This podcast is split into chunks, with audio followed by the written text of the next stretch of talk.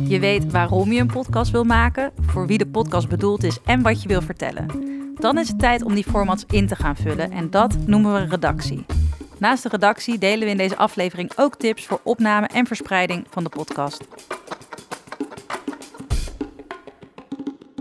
Maar laten we beginnen bij de inhoud, want die is bij iedere podcast leidend. Als jij de aandacht van de luisteraar wil vasthouden, dan is het belangrijk dat hij of zij het ook echt interessant vindt wat er wordt verteld. Er zijn eigenlijk geen goede, populaire podcasts die niet goed worden voorbereid van tevoren. Soms klinkt het wel zo, dan zie je of dan hoor je twee mensen aan tafel zitten die een fantastisch, leuk, interessant en inspirerend gesprek met elkaar hebben.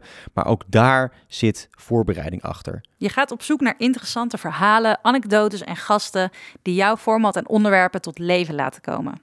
Het is heel leuk en goed dat je wat wil vertellen over bijvoorbeeld thuiswerken in de cloud of de employee lifecycle.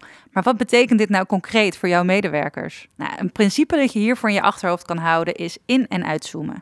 Wat betekent iets op micro- en op macroniveau? Dat zorgt al voor veel meer dynamiek in de podcast dan wanneer er maar één perspectief van een onderwerp wordt belicht. Op basis van die verhalen, anekdotes en gasten maak je een draaiboek. En in het draaiboek staat in uh, een soort van scènes omschreven van wat er tijdens de aflevering per blokje gaat gebeuren. En dat kan je gebruiken als leidraad tijdens de opnames. Dan de opname. Een podcast is vrij eendimensionaal. Het is alleen geluid. Dus dat moet goed zijn. Best way for a beat. No, that's the air vent. It's the air vent. Yeah, I can't do it's, anything uh, about that. Do you think it stays like this?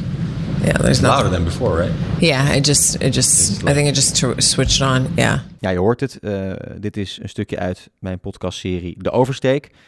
ehm, over ondernemen in Amerika. En voor die podcast zat ik in heel veel Amerikaanse kantoorpanden. En daar stond de airconditioning altijd keihard aan.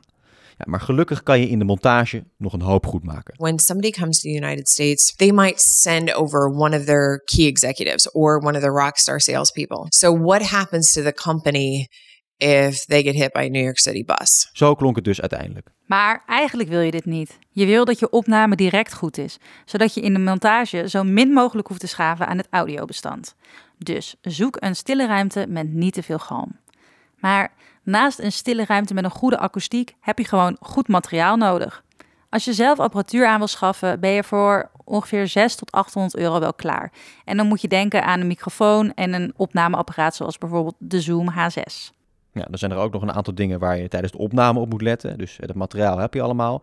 Maar waar je ook op moet letten is het volgende. Handen moet je niet op tafel doen, eh, want dat eh, tikken en bonken op de tafel is ja, gewoon heel erg vervelend. Probeer direct in het microfoon te praten, want als je er langs praat, dan hoor je dat direct. Dus zorg ervoor dat niet alleen jouzelf, maar ook jouw gast dicht bij de microfoon zit. Ja, je kunt daarbij vragen of je gast de koptelefoon opdoet. Eh, eh, dan hoort hij zelf ook of hij wel of niet goed voor de microfoon zit. En dan nog even over de akoestiek.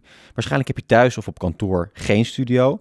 Maar er zijn een aantal dingen die je kunt doen om de akoestiek te verbeteren. Wat je namelijk niet wil, is dat je podcast zo klinkt. Nou, je hoort het, ik sta hier in een vrij holle ruimte met hoge plafonds, veel hout, eh, geen kleed, geen gordijnen.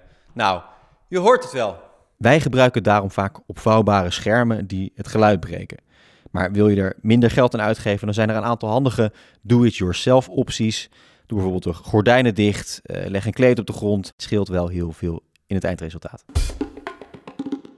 Last but not least, distributie en verspreiding. De meeste podcasts worden beluisterd op mobiel en dan ook met name in de auto. Het moet dus makkelijk te beluisteren zijn op je smartphone.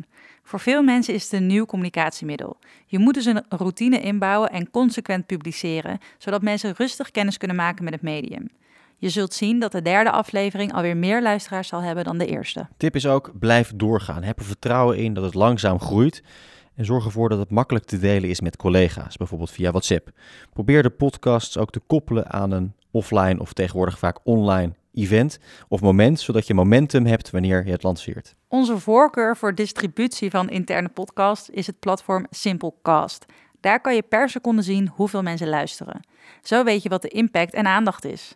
Je kan het verspreiden via de mail, intranet, WhatsApp, Slack, Yammer, noem maar op. Ook kun je de podcast verspreiden met een private link en dan kunnen alleen jouw medewerkers de podcast beluisteren. Dan de laatste tip, probeer er ook vooral iets leuks van te maken. Houd luchtig en betrek ook vooral je medewerkers. Succes met jouw podcasts.